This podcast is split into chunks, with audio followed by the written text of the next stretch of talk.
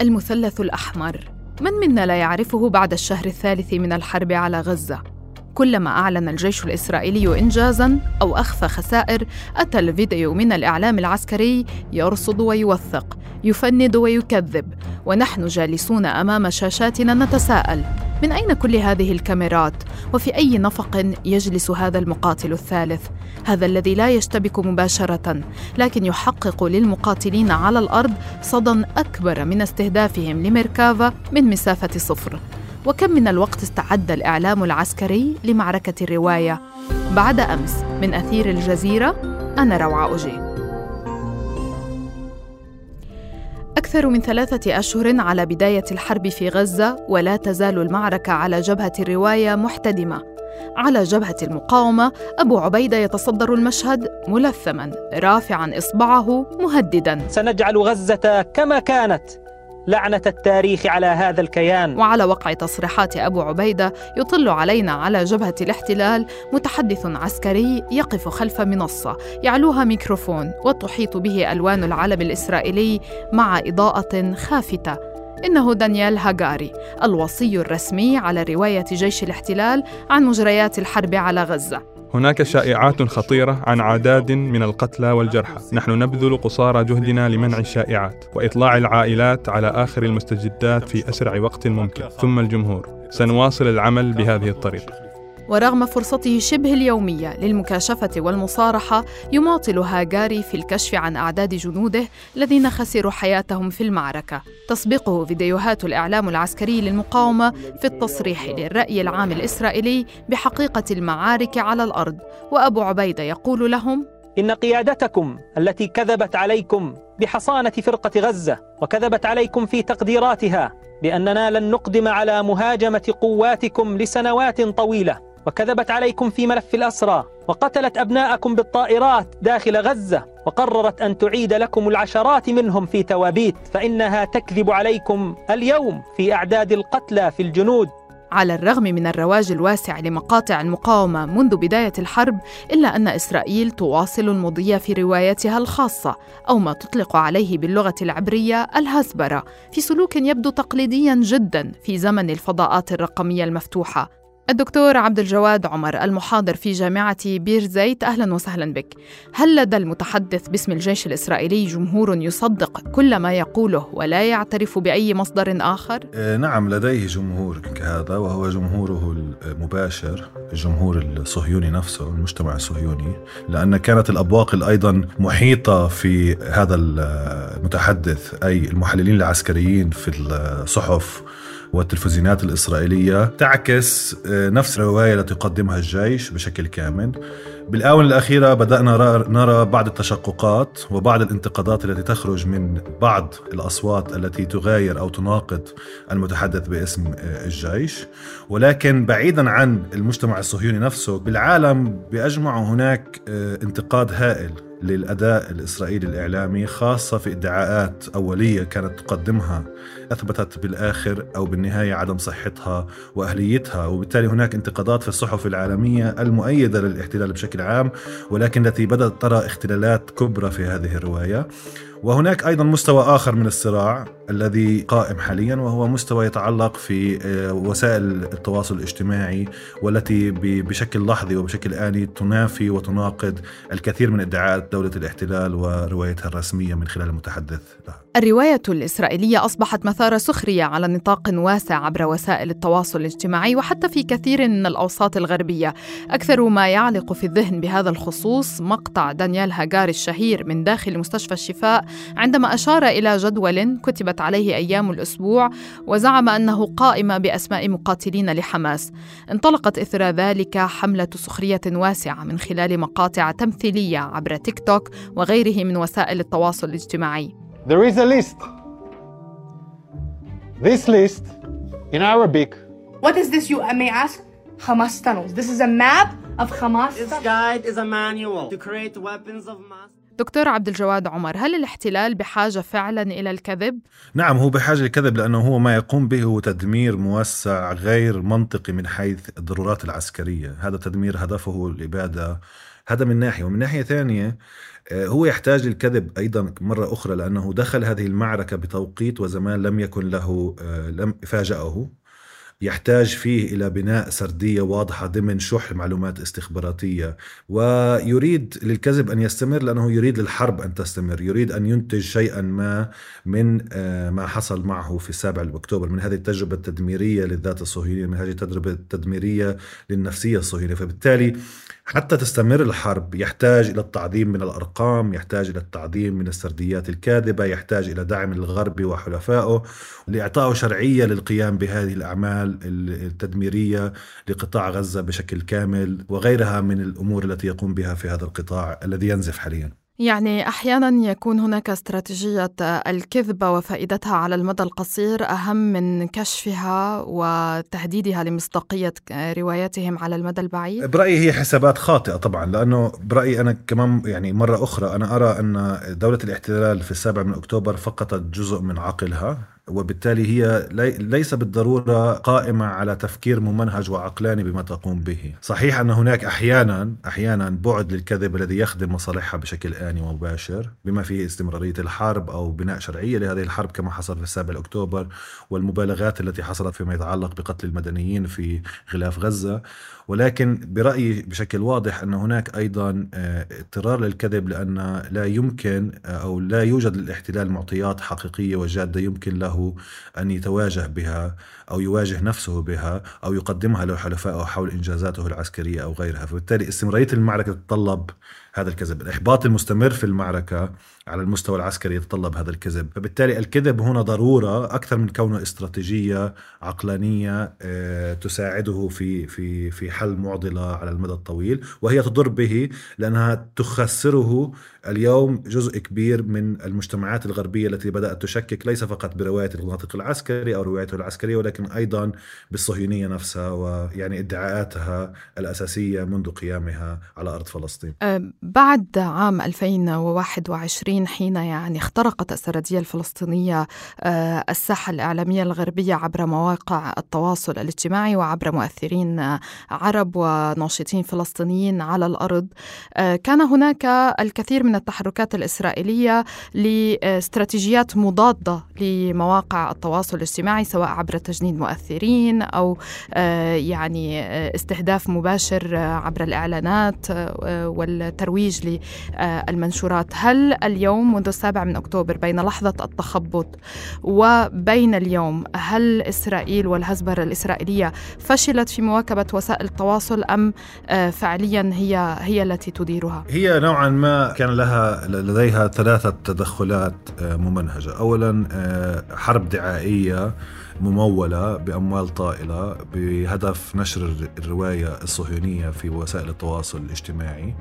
ثانيا كانت قائمة على محاولة حصر من آه، المؤثرين الفلسطينيين الذي يمكن لهم الوصول في داخل هذه وسائل التواصل. وهنا تحالفت وسائل التواصل نفسها مثل فيسبوك ومتى وغيرها مع دولة الاحتلال في حصر آه، المحتوى الفلسطيني. والاستراتيجية الثالثة هي محاولة تسكير النقاش. أو إغلاق النقاش من خلال تدخلات قانونية أو اتهامات بمعاداه السامية أو غيرها التي استحدثتها دولة الاحتلال لأنها بدأت تخسر المعركة العالمية، لأنها بدأت تخسر آه، معركة الصورة ومعركة آه، الرأي العام العالمي، بالتالي هذه الاستراتيجية يمكن القول أنها ناجحة جزئيا أنها تخلق أحيانا إشكاليات للنقاش الحر حول ما يحصل حول القضية الفلسطينية ولكن بالجهة المقابلة الرسالة الفلسطينية رسالة متشعبة رسالة قائمة ليس على توجه مركزي استراتيجي يعني ليست تدار لا تدار بطريقة مركزية تدار بطريقة متشعبة.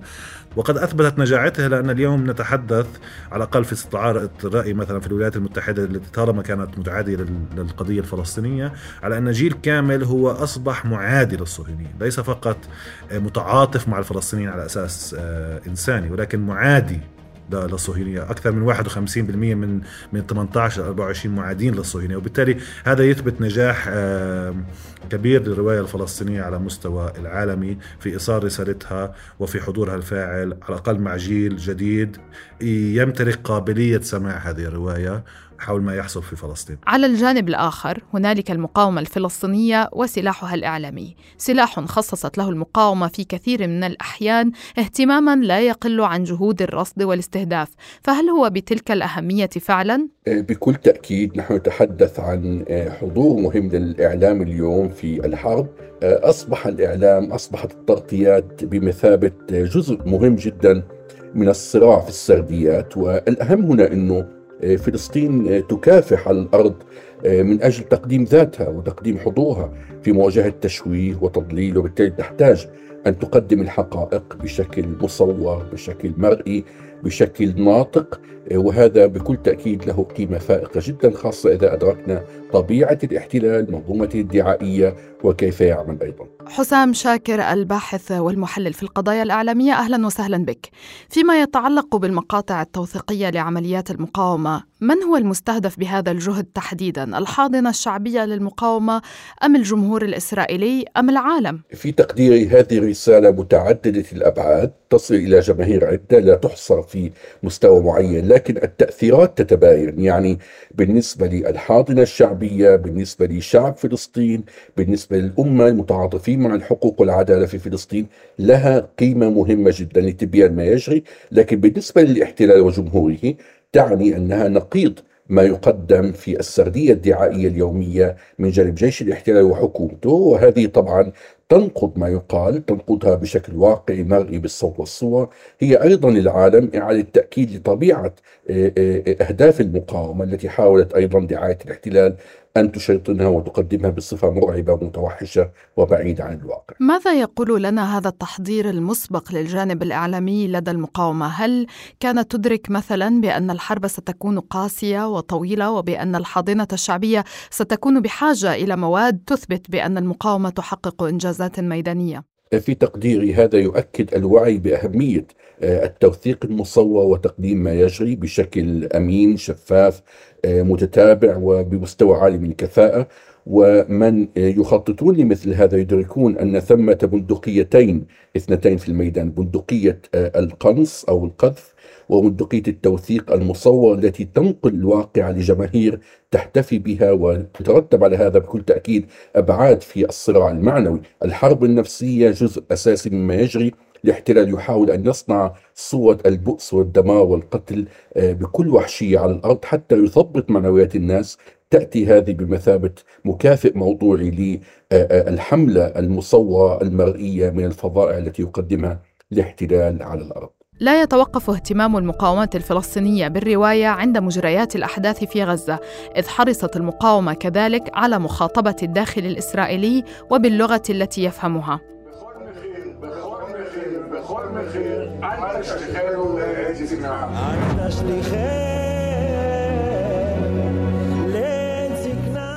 دكتور عبد الجواد عمر هل تصل الرسائل الفلسطينية الموجهة إلى الداخل الإسرائيلي وما مدى تأثيرها؟ منظومة الإعلام الصهيونية تحيل دون وصول مباشر عام آه، كبير للرواية الفلسطينية المقاومة خاصة وأن هناك يعني حظر عسكري وإدارة عسكرية للإعلام في الداخل الصهيوني. ولكن أيضا هناك اختراق بما يتعلق في وسائل التواصل بمعنى فيديوهات التي تصدرها المقاومة تصل أحيانا لمرأة المجتمع الصهيوني. هناك حرب نفسية فاعلة تخوضها المقاومة وناجحة فيها. رأيناها في عمليات التبادل مثلا. جابهت فيها هذا الادعاء بأن هؤلاء المقاومين شياطين آه، بأنهم إرهابيين وغيرها وكانت ناجحة لدرجة ما في عكس صورة مغايرة عن المقاوم الفلسطيني وحضوره. ولكن ما هو مهم في فعل المقاومة هو فعل المقاومة نفسه. أنا عندما يدعي مثلا المتحدث العسكري باسم الاحتلال أنه سيطر على شمال قطاع غزة ومن ثم تأتي عملية عسكرية إما كانت إطلاق صواريخ أو قتل الجنود في شمال قطاع غزة التي تنافي هذه الرواية. وبالتالي تفككها عند المجتمع الصهيوني وتخلق حالة من رد فعل ماذا تقول يا متحدث لماذا تقول لنا شيء لم يحصل بعد؟ فبالتالي هناك نجاح وهناك اختراقات في محلات معينة. تخلط ما بين الفعل نفسه على الميدان وتخلط ما بين الرسائل الموجهة من خلال التصوير والفيديوهات وتخلط أيضا ما بين رسائل تتعلق بملف الأسرى لدى المقاومة الفلسطينية بالعودة إليك حسام شاكر الباحث والمحلل في القضايا الإعلامية على مستوى تهشم الرواية الإسرائيلية أمام العالم هل من أدوات تعتقد بأن إسرائيل وداعميها قد يلجأوا إليها لترميم تلك الصورة أو مواجهة الرواية الفلسطينية؟ أنا في تقديري أن آه، كل الأدوات قد استخدمت. آه، بداية من حيث تزييف واقعة السابع من أكتوبر تقديمها بشكل بعيد عن حقيقتها هي كانت بالأساس ذات وجهة عسكرية في قواعد وثكنات. ولكن أيضا من خلال آه، حجب الصور عن العالم أو محاولة حجبها من خلال إبعاد الصحفيين والوقود الإعلامية منعهم من دخول قطاع غزة. والأهم آه، تعقب الصحافة ومطاردتها خاصة الصحفيين المؤثرين الذين ينقلون الصور ويحملون الكاميرا المدونين المتحدثين المعلقين من غزة في وسائل الإعلام العالمية. هؤلاء جميعا يستهدفون بشكل مستمر ال الهدف هنا بكل تأكيد هو حجب الواقع. الاحتلال في المقابل يقدم واقعا مزيفا مضللا يحاول تشتيت انتباه العالم والأهم أنه يعتمد أسلوب تبرير ما يجري ولوم الضحية. لوم الضحية أي أن تحمل الضحية مسؤولية المقتل التي توقع عليها وثمة حبكات دعائية تعمل هنا بضراوة لكنها لا يمكن أن تفلح في حجب الحقيقة المرئية والشاهد ما يجري في محكمة العدل الدولية على سبيل المثال. في أي اتجاه تذهب بنا الرواية الفلسطينية اليوم مع يعني الاختراق الذي حققته سواء عبر وسائل التواصل الاجتماعي أو عبر القدرة على التوثيق مباشرة بنفسها آه، رواياتها؟ ما هو الأثر الذي تتركه في العالم وكيف يمكن أن يؤثر بشكل عام على مستقبل القضية الفلسطينية؟ الآن وبدنا نسمع الكثير من الأصوات التي آه، تقول إنها لم تكن تفهم أساسا القضية الفلسطينية ولا معاناة الشعب الفلسطيني؟ نعم بكل تأكيد آه، الرواية الفلسطينية في صراع مع مع سردية الاحتلال وهذه بالأساس أي جانب فلسطين معني بأن يقدم ما يجري في الواقع. تقديما امينا قريبا منه يقدم الواقع وانسنه الإنسان الفلسطيني كما يستحق ومجرد نقل الواقع إلى المشاهد المتابع المواكب في أي مكان كان يجعل فلسطين تكسب بشكل مؤكد. الاحتلال يعمل على حجب الواقع وعزله ووضع حجب من التزييف والتضليل من أجل تشويش النظر وأيضا من أجل آه، تشويش الفهم بحيث يظن بأن هؤلاء يستحقون ما لحق بهم هؤلاء الناس. وبالتالي آه، هنا تعمل فلسطين بالأساس وتعمل القضايا العادلة. هي تحاول أن تقدم ذاتها بكل بساطة كما هي. فإنها تربح في الواقع.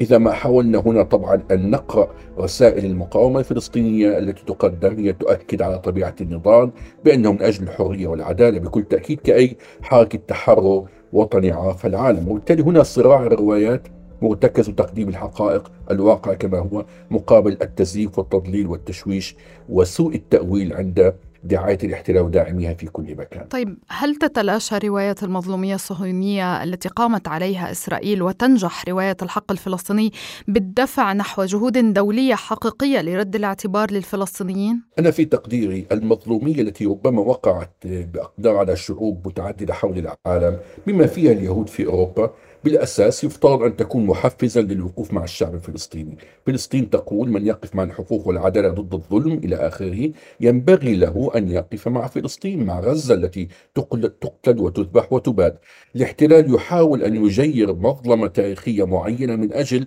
حملة إبادة وهذا طبعا التعسف بعينه. هذه الرسالة بالمناسبة يعبر عنها بوضوح آه، آه، آه، أطياف من الشباب اليهود والمثقفين والفنانين اليهود حول العالم يقولون ليس باسمنا وكل إبادة مرفوضة ولا ينبغي ألا يتكرر ما سبق من قبل في أوروبا في أي مكان بحق أي شعب من الشعوب. وبالتالي وضع إبادة لتبرير إبادة أخرى وضع مظلمة من أجل آه، تسوير مظلمة أخرى هي عبارة عن آه، تحايل خطابي تحايل في السردية ولا يمكن أن يستقيم لمن يفكر ويستعمل عقله وضميره. تعيش غزة حربا غير مسبوقة هي كذلك بكل تفاصيلها وعلى كل جبهاتها. ومهما اختلفت الرواية على الجبهتين هناك إجماع على أن طبول الحرب الإعلامية ستبقى تصدح حتى لو توقفت أصوات المدافع.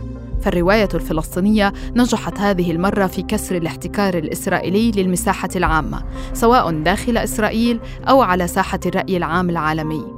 فما الذي سيتغير في مستقبل القضية الفلسطينية بعد هذا الاختراق؟ وكيف سينجح الفلسطينيون في إبقاء سرديتهم حاضرة أمام الملايين التي تضخها إسرائيل في الترويج لرواياتها عبر العالم؟